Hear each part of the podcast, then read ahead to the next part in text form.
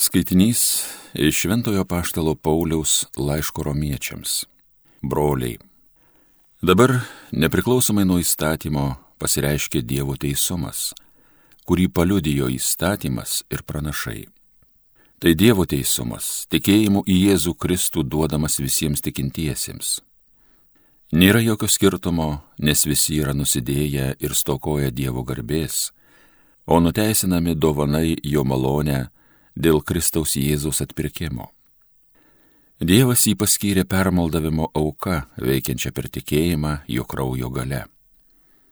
Jis norėjo parodyti savo teisumą tuo, kad nenubaudė už nuodėmės padarytas anksčiau dieviškojo kantrumo laikais ir norėjo parodyti savo teisumą dabartiniu metu, pasirodydamas esas teisus ir nuteisinantis tą, kuris tiki Jėzų.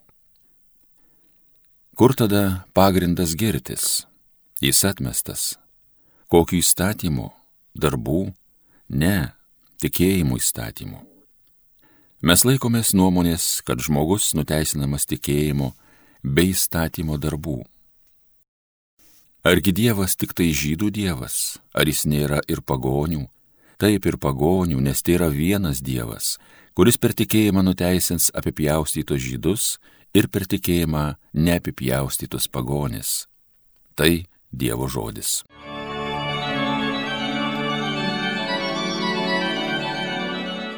Dievas yra gailestingas, jis visuomet išvaduoja.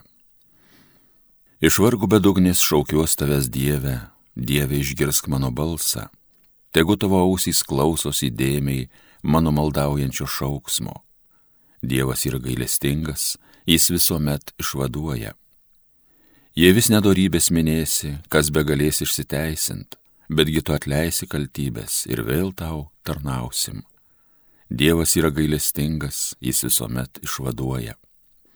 Dieve, tavi mano viltys, tavo žodžiu pasitikė mano siela, mano siela viešpaties laukia labiau kaip aušros panaktiniai. Dievas yra gailestingas, jis visuomet išvaduoja. Alleluja.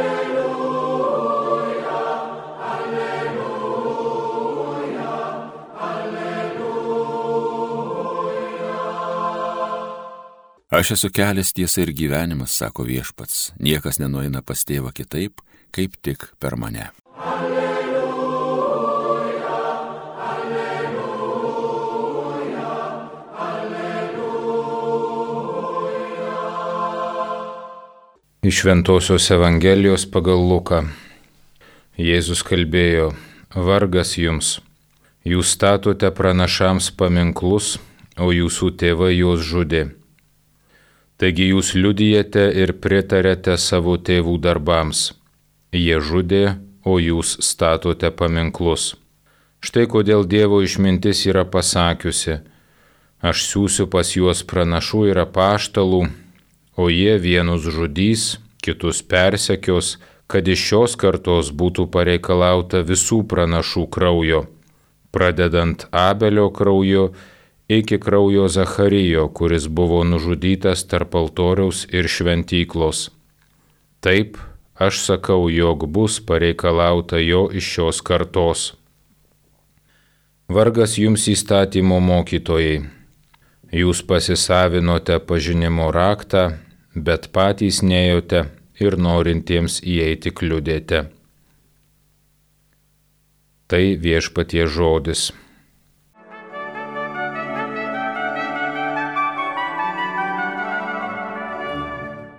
Gerbiami Marijos radio klausytojai, šiandienė Mišių Evangelija Jėzaus įspėjimas įstatymo mokytojams.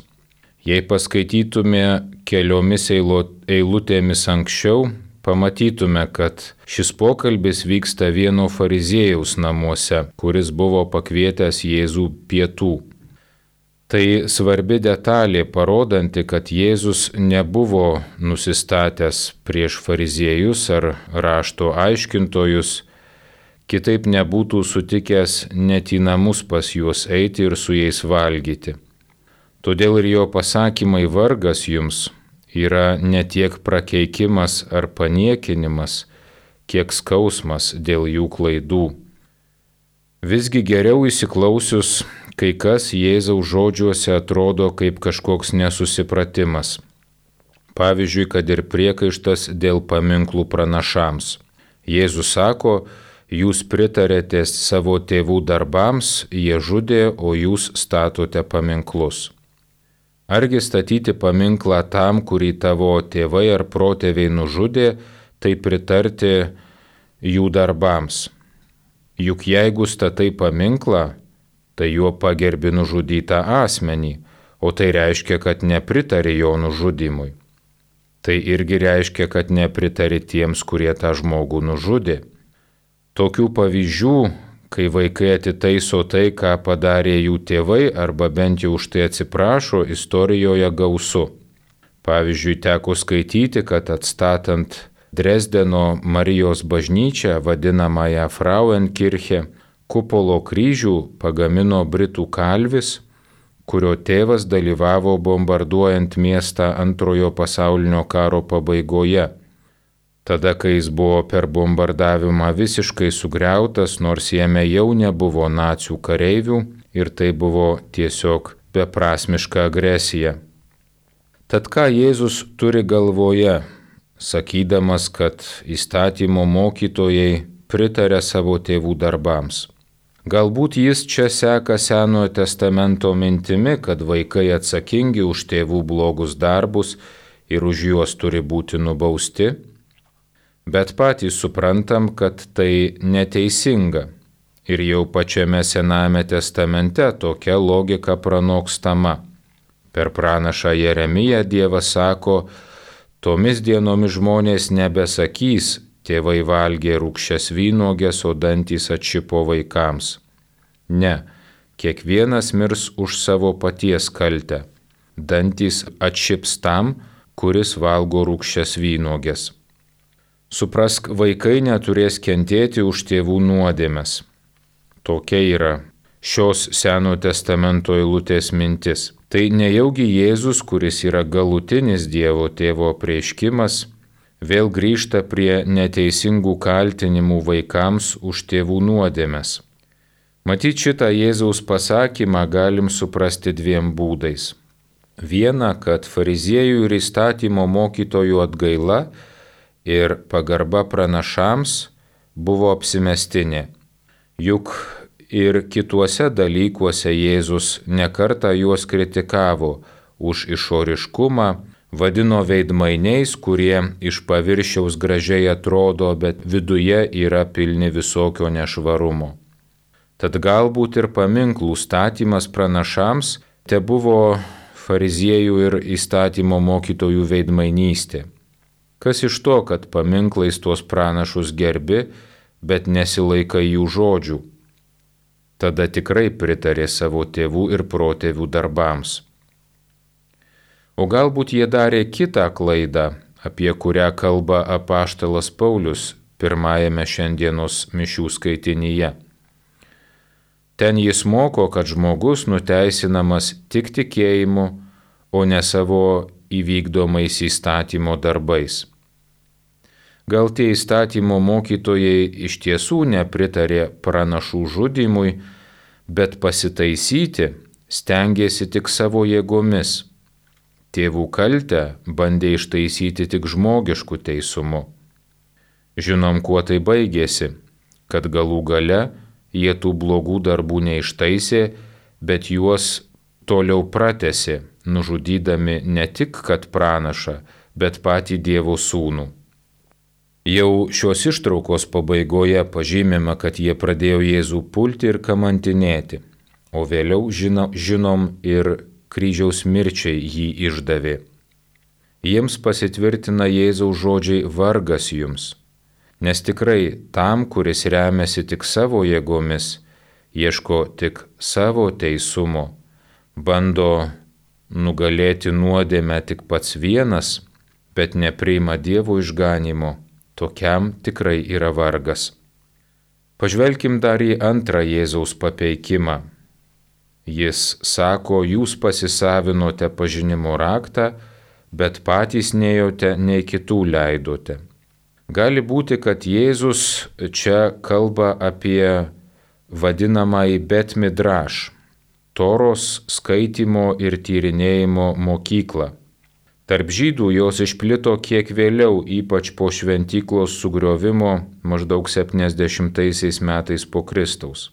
Bet atrodo, kad jau egzistavo ir Jėzaus laikais. Jeigu jos jau buvo įgavusios ne tik žmonių susirinkimų, bet ir kažkokių patalpų pavydalą, tikėtina, kad tokias patalpas, tokias vietas saugojo ir raktus nuo jų turėjo įstatymo mokytojai. Būti ar nebūti ten įleistam tikrai priklausė nuo rakto turėtojo, nuo to, kuris tą vietą prižiūrėdavo. Gal Jėzus pasinaudoja šiuo įvaizdžiu, norėdamas parodyti ir jų širdies nuostatą.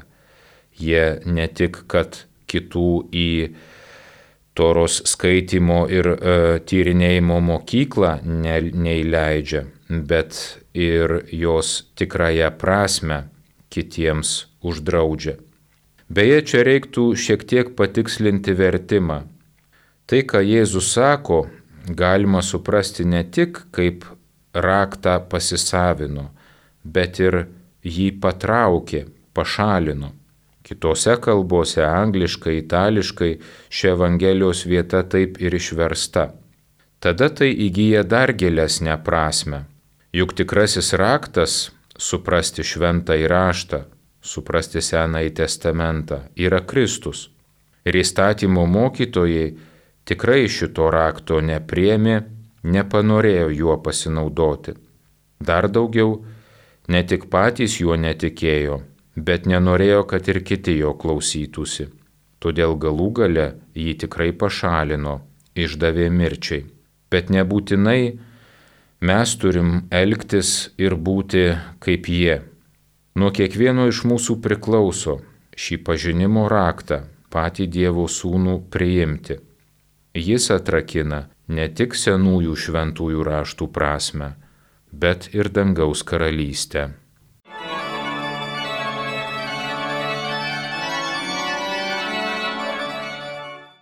Evangeliją skaitė ir homiliją sakė kunigas Žydrūnas Vabolas.